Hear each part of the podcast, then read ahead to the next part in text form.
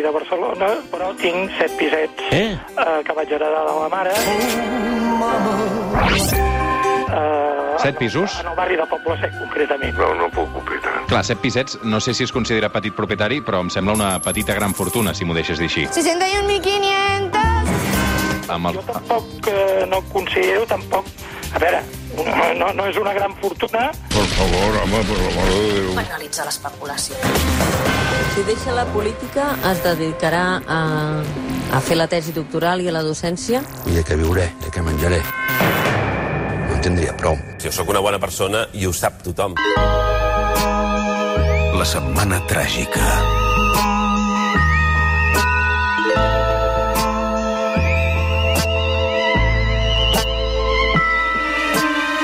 Som al suplement, som a Catalunya Ràdio, cada diumenge a aquesta hora, la setmana tràgica. A Londres, Toni Rodon, doctor europeu en Ciències Polítiques, investigador a la London School of Economics, també a la Universitat de Stanford a Califòrnia, professor de la UPF. Toni, què tal? Bon dia. Bon dia, bona hora, com estem? Bé, i tu? Bé, aquí estem, recta final. I el Ion Sindreu, que és periodista i columnista del Wall Street Journal. Ion, bon dia. Bon dia. 15 dies perquè reobrin els pubs al Regne Unit. Nervis. Nervis, nervis. Uh, és difícil, eh, trobar lloc. Uh, ja ho hem explicat alguna vegada que tothom va boig, eh? Saps aquella pel·lícula de, de, de, de zombis no? que surten disparats a, a cercar-te? Doncs el dia 12 d'abril, quan obrin els pubs, serà una mica això. Realment el ritme de vacunació continua molt, molt alt aquí dalt, no, uh, Ion? Sí, sí, sí. Uh, diversa gent que conec ja, ja ha rebut la, la vacuna. Sí? De, de la teva edat, Ion, dels 30?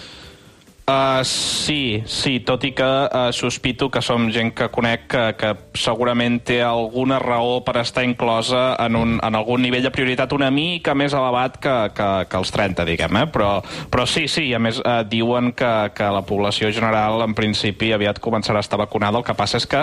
Um, Uh, bé, vull dir, ja, ja ho estan, eh? vull dir, certes edats, però el que passa és que uh, sembla que també hi haurà problemes de subministrament, com sempre. Um, per cert, uh, Rodon, uh, no Sí? sé si ho saps, però jo el divendres vaig fer l'examen per ser britànic, ja. Ah, ep, com va anar? Has aprovat? Uh, sí, sí, però em van preguntar sobre... Uh, em van preguntar coses així d'història bastant complicada i va anar bé, però després em van preguntar sobre l'himne i aquí vaig, vaig naufragar. Quina No era la pregunta acudit. exactament, Ion? Uh, doncs t'oferien diverses opcions i n'havies de seleccionar dues que sí eren part de l'himne de, del Regne Unit, allò de God Save the Queen, saps? Ah. I no, no, no me'l sabia. Veus? No t'ho vas saber, eh? Però no, a, a, no. explica'm tot el procediment, Ion. És a dir, tu ara estàs fent un examen per aconseguir la doble nacionalitat, la britànica i l'espanyola? Uh, bé, la britànica. La britànica. El tema de l'espanyola Bueno, l'espanyola no, el ja- tinc, no tinc clar. Bueno, però aquesta ja la tens, no entenc? Sí, sí, sí, en principi no, no tens per què perdre la juraria, però bé, ho he de mirar. Ah, vull dir que pots tenir la doble nacionalitat, pot, pots convertir-te en John Carlin, d'alguna manera. Uh, John Carlin té la doble nacionalitat? Sí, no, correcte. No, no, no sí, n'era sí, sí, conscient. sí que la té. Sí, sí, sí que la té. Sí, doncs té, mira.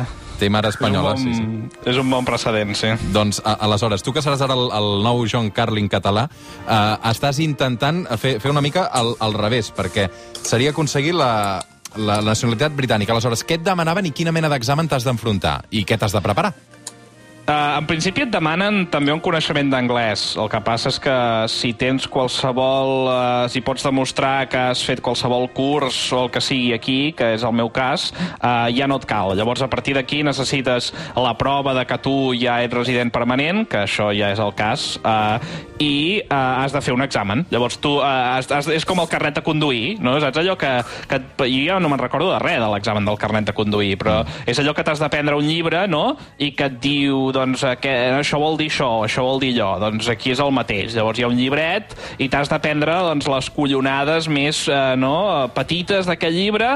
Posa'm eh, exemples. Que, Uh, doncs des de coses històriques de uh, amb quina edat uh, Mary Queen of Scots uh, va arribar a ser reina que la resposta és una setmana, um, fins a, doncs, a quants membres té un jurat a Escòcia, per exemple, que si us interessa són 15, o, en aquest cas, pa, coses de la vida diària, com a quina hora obren els pubs, o, uh, jo no n'era conscient, uh, les, les lletres de l'himne. Ah, molt bé. I, I després de coses de cultura general, eh, entenc, pel que m'estàs... De, de tradicions Sí, gastronòmiques, per exemple. I també et pregunten Tradicions sobre els sants d'Escòcia i els sants del Regne Unit, no? Els I quin dia se celebra molt- el Remembrance Day i totes aquestes coses, no? Els sants i, i efectivament, i el plat nacional de cada nació, eh, això surt molt, sí, sempre t'ho pregunten. El que passa és que és bastant obvi. Per exemple, Eh, no, digue'm, no. qui- quins són els plats nacionals de, de cada nació? Doncs el plat nacional eh, d'Anglaterra crec que era el roast beef. Ah. Això és una cosa que no, no sabia. El d'Escòcia, si heu estat, és el haggis. Sí. Um, no? Segur que l'heu tastat. Què, què és el haggis, exactament? No sé què té dins, però és, és com... És, Són és, com és tripes, no? Són tripes... Oh, sí, no. Sí, sí, bola de menuts, no? Crec que són els menuts de, de l'ovella, no? Sí, sí, ja pot Sí, ser. també té, Això. també té col i nap i patates, no? Crec. És una mica un barreig Una de, pinta de tot. boníssima, realment, eh? Sí, a mi, a mi m'encanta, eh? No, no seria el plat més sa del món, però és, és bo, és I, bo. I, per exemple, Ion, uh, tu havies estudiat, tu havies preparat gaire? Uh, relativament. Uh, és allò que, que, que et descarregues una app no? i et va fent testos. Llavors, mentre estàs allà a la nit uh, mirant la tele o el que sigui, estàs allà fent tests a veure què passa. I, i com, com tots sabem, és la manera d'estudiar pels exàmens, perquè aprendre les coses uh, seria doncs, massa ineficient. I ara quan, Bé. quan et dirà si, si ets vàlid o no ets vàlid? No, ja, immediatament. És a dir, tu fas l'examen en un ordinador i et diu ja si has, si has aprovat l'examen. o sigui, Llavors, ara ja tens la nacionalitat britànica? No, no, no, has de fer la paperassa, diguem. És a dir, tu has d'agafar la referència de què has aprovat i és un dels, dels documents que has d'entregar. Llavors passes per un procés... Uh, Clar, això anava a dir que falta, falta passar per caixa, que no I- ens oblidem que sí. també és important. Què Sí, costa, però què costa és- ser britànic? Ho vaig mirar ahir uh, i són 1.330 lliures que has de pagar. Carai, carai, carai. No està malament, però podria ser pitjor. Vull dir, històricament, eh, pagar això per un, per un passaport britànic doncs surt a compte. I per- I, de fet, és molt més fàcil que a França, que a mi m'han explicat que és un procés llarguíssim Mhm. en què et, et toca l'entrevistador que et toca i es pot inventar les preguntes que li surt dels nassos i, bé, no, no, no ens sorprèn, no, tampoc, que, Una- que sigui més difícil ser francès. És que em sembla molt interessant, eh? tinc més preguntes. Per exemple, has de jurar el càrrec com un ministre? Has de jurar eh, lleialtat Sí, a a la la reina? reina. Sí. Sí. De quina manera? Una... Doncs ja eh, juro la meva lleialtat a la reina i no sé què, hi ha, hi ha com un text que et fan repetir, sí, sí. I davant de qui? Davant d'un notari o davant de qui? Uh, sí, però uh, davant d'un uh, davant d'un funcionari. El que passa és que em- em sembla que ara es fa per Zoom. Ah, Sí, eh, pel que he sentit. Vaja, perquè era una, era una cerimònia normalment que és divertida, no? Perquè vas allà a l'Ajuntament de, del teu districte i uh, et trobes la, el regidor o la regidora que va a vegades vestit amb, amb allò, amb, amb, el, amb el vestit tradicional britànic i et Sí. dona la benvinguda al país. jo, jo el que m'imagino és com aquell moment amb l'espasa, de, saps, que, que et, et toquen l'espatlla. No, això és per, això és per ser ser. Clar, bueno, sí, sí, som, tot arribarà. Que és, el- és el proper pas, eh, Jon? Eh? No, no, no t'adormis ara, eh? És com la creu de Sant Jordi, eh, però que tothom és ser. Vull dir, tampoc, uh, tampoc és gran cosa. I encara una pregunta més, Ion, perquè, eh, és a dir, el fet d'aconseguir ara aquesta doble nacionalitat, de quina manera et facilitarà la vida? Amb el Brexit, per exemple, tu que portes tants anys vivint a Londres. No, cap. Cap, absolutament cap. Perquè uh, jo ja soc jo sóc resident permanent, llavors en principi no, no m'afecta per res. O sigui, ara Ah, ja és una qüestió simplement de- d'orgull i de sentiment. Home, clar, és una qüestió d'orgull britànic, um, no? És, és allò de, de, de poder doncs, uh, desabraçar una nació que oprimia els altres per uh, abraçar una altra nació que també oprimia els altres. És, és, és, és el, el procés que es fa a la vida. Uh, no, i s'ha de dir que, que l'únic l'únic l'únic pel qual realment uh, et serveix és que si marxes uh, de, del Regne Unit durant un període considerable de temps, sempre pots tornar. No? És a dir, si jo ara m'anés a viure a on sigui, a Catalunya, posem per exemple, eh, durant 3 anys, jo encara seria britànic i podria retornar i no m'hauria afectat el meu estatus. Mentre que Home, i ara pots, no i és ara pots cas. votar, Jon. No, ara pots votar a les És eleccions. veritat. A és les dues veritat, eleccions pots votar tant a Catalunya com a, al Regne Unit? En principi crec que sí. sí, Carai. sí. I una, Um, una, altra, una altra pregunta, eh? Per exemple, per exemple, és que ara estic pensant, uh, quan jugui a la selecció de futbol Espanya contra Anglaterra, tindràs el cor dividit?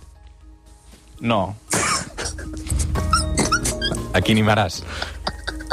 No, no, és que d'entrada no acostumo, no acostumo a mirar gaire el futbol de seleccions, però em sembla que ja, ja et pots imaginar a qui, a qui animo. Andorra. Escolta, parlem de xips o no parlem de xips? Sí, és veritat, perquè avui, aquí? és veritat, uh, hem fet un preàmbul de 10 minuts, uh, Toni Rodon, perquè després de moltes setmanes de demanar-ho, avui dedicarem una setmana tràgica, molta atenció, a parlar de xips. Per què? De seguida el Lion Sindreu ens ho intentarà justificar. Què són els xips? Què està passant amb els xips? A veure, Toni, perquè faci els honors, li donem la paraula a Lion perquè és qui ha estat molt Sí. vehement a l'hora de, de demanar. Què està passant amb els xips i per què vols portar aquest tema damunt la taula avui, Ion? Perquè és un d'aquells temes del qual es parla molt poc, però segurament és de les uh, situacions uh, geopolítiques més importants que estan passant actualment. Uh, vosaltres sabeu què és un xip, no? Un xip és allò, un, és un circuit integrat, no? És, uh, allà on, és aquella, com aquella que se'n diu o, o, òblia, no? On, on, oblia, on hi ha tots uh, aquells uh, condensadors, díodes, resistències, transistors, que, que fan que puguem tenir doncs, microprocessadors, que puguem tenir ordinadors, eh, com ara la gent està descobrint, que puguem tenir cotxes, perquè hi ha molts xips en els cotxes, eh, i per tant és, una, és un dels components més essencials de l'economia moderna. Uh -huh. uh, és a dir, entenc que qualsevol, per exemple, un mòbil porta un xip, no? Sí, tant. Un mòbil no només porta un xip, sinó que porta un microprocessador eh, molt avançat. No? Un smartphone eh, doncs, eh, modern porta doncs, un microprocessador d'última generació i això vol dir que eh, doncs, en una sala d'aquelles blanques que segurament eh, doncs, haureu vist en el TN, cada vegada que, que es parla d'aquestes coses, normalment t'ensenyen una fàbrica d'aquestes a Taiwan on hi ha uns senyors allò vestits com si fossin cirurgians, no allò tot de blanc, que estan eh, posant eh, doncs, aquests components eh, dins un circuit integrat que, eh, per explicar-ho, eh, doncs s'han de col·locar a nanòmetres l'un de l'altre. Un nanòmetre són 0,00001 mil·límetres. Per tant, eh, és molt complicat i és un procés caríssim eh, de muntar aquests xips no? eh, que cada vegada estan més miniaturitzats. Uh -huh. Aleshores, perquè ens fem una idea, els xips eh, els trobem en telèfons, en electrodomèstics, en teles, en cotxes, una mica a tot arreu. Què està passant exactament amb aquests xips? Doncs si vosaltres eh, teníeu ganes de comprar un cotxe, o si teníeu ganes de comprar una PlayStation 5, o si estàveu esperant el llançament de l'iPhone 12 d'Apple, um, o, o fins i tot la Xbox de Microsoft, haureu, uh, potser haureu experimentat uh, que no n'heu pogut comprar, o en el cas de l'iPhone, doncs que s'ha uh, retrasat. Per què?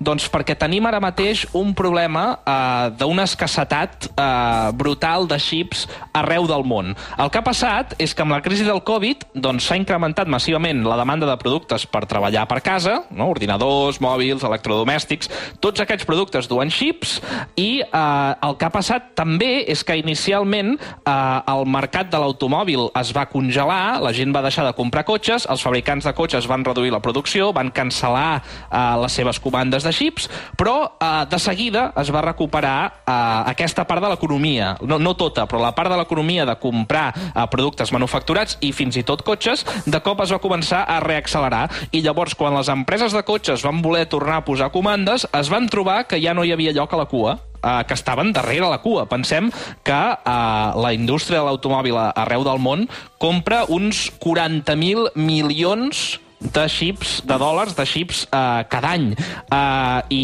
I, vaja, vull dir, Volkswagen i Toyota, eh, cadascun, per exemple, gasten més de 4.000 milions de dòlars l'any en xips. Per tant, tot això és una, és una cadena de subministrament essencial que resulta que hem descobert amb el Covid, eh, en part perquè hi ha més demanda, però en part perquè ja estructuralment era així, que eh, és una cadena de subministrament problemàtica que posa en perill l'economia mundial perquè no té la capacitat de reaccionar a la demanda.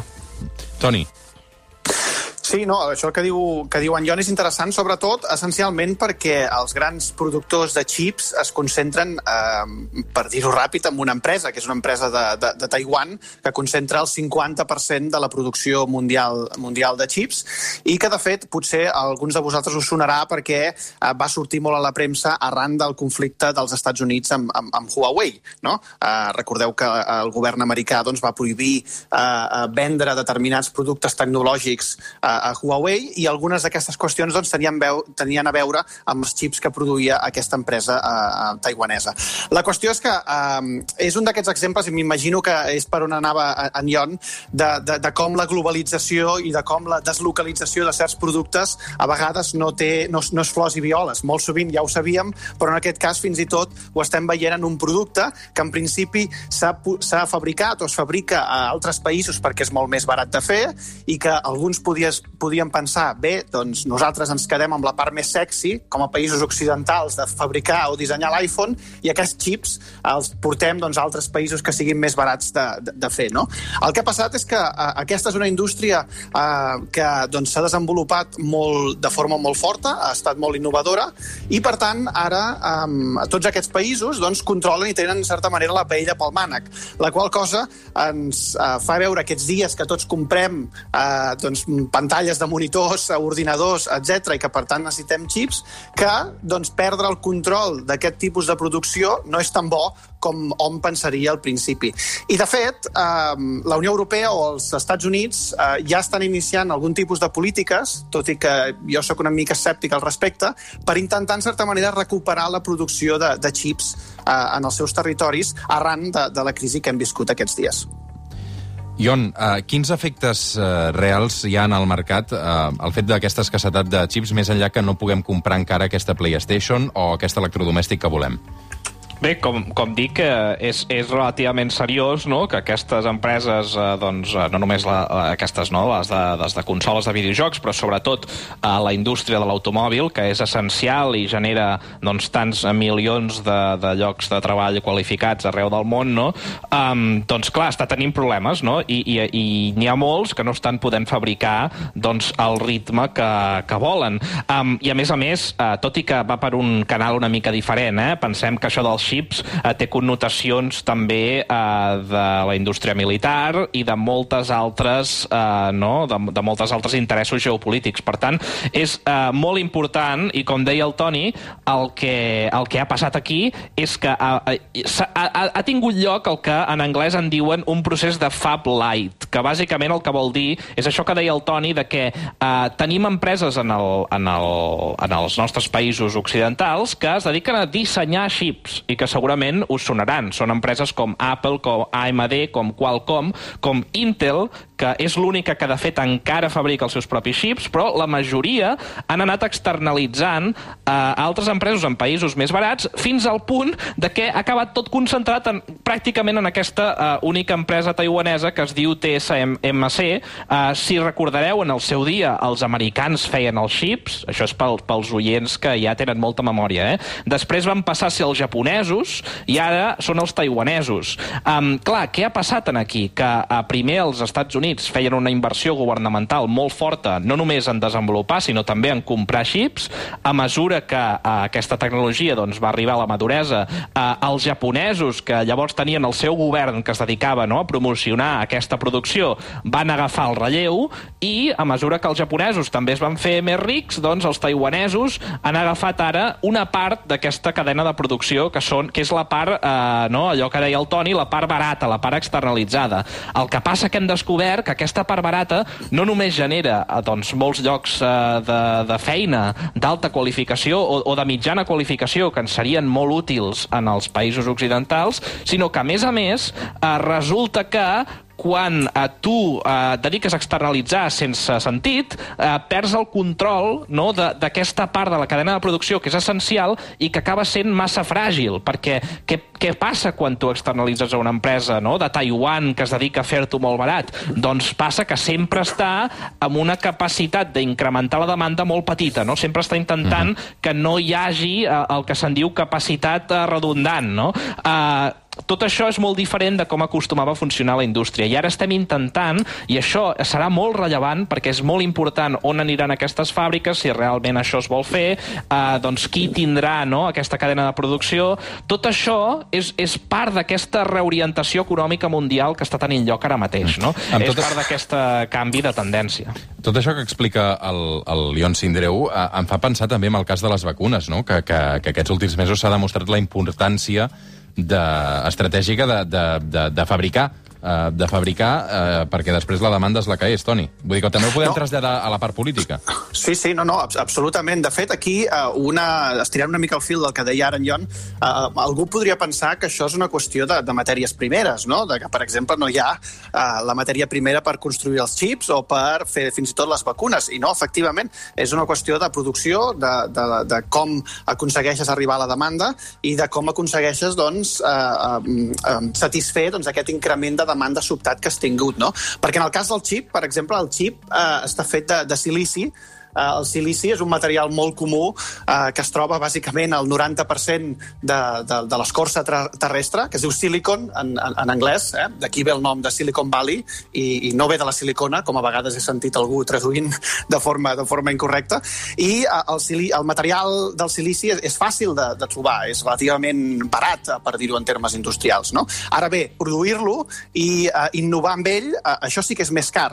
I com deia en Jon, a la que perds aquesta capacitat eh, com a país eh, i s'externalitza a un altre lloc que a vegades pot ser conflictiu, eh, doncs pots trobar-te amb problemes com és el que hem viscut eh, amb Huawei en, en l'últim any i, per tant, quan s'hi barregen totes aquestes decisions geopolítiques, la cosa doncs, eh, pot ser molt pitjor de la que podries preveure en un principi quan deies oh, això no és sexy, total són xips, externalitzem-ho allà, que és més barat i no tindrà cap problema la, la, aquesta externalització. Clar, és que muntar una d'aquestes fàbriques requereix una inversió, per entendre'ns, eh, d'entre a 1.000 i 3.000 milions de dòlars. Per tant, estem parlant d'una inversió brutal, per més que sembla que sigui una activitat poc sexy, eh, són molts diners i és molt difícil tornar-ho a fer. I, de fet, eh, un exemple claríssim d'un problema afegit de quan tu divorcies no? eh, el nivell en què dissenyem els xips i pensem que volem fer amb ells de la producció dels propis xips, eh, l'estem veient ara, perquè un, una de les raons per la qual tenim aquesta escassetat mundial de xips és perquè resulta que eh, els, els xips més moderns ara es fan en el que se'n diuen oblies, que són aquesta, aquesta mena, el plàstic aquest verd, no? eh, que, que sempre ens imaginem quan veiem un xip, que són eh, de 300 mil·límetres. Per tant, són més grans i caben eh, més eh, components i, per tant, eh, són una inversió eh, més interessant per l'empresa aquesta taiwanesa i per la resta d'empreses, però resulta que la majoria de xips que els cotxes realment necessiten no són tan avançats, són xips de, que es produeixen en oblies més antigues de 200 mil·límetres.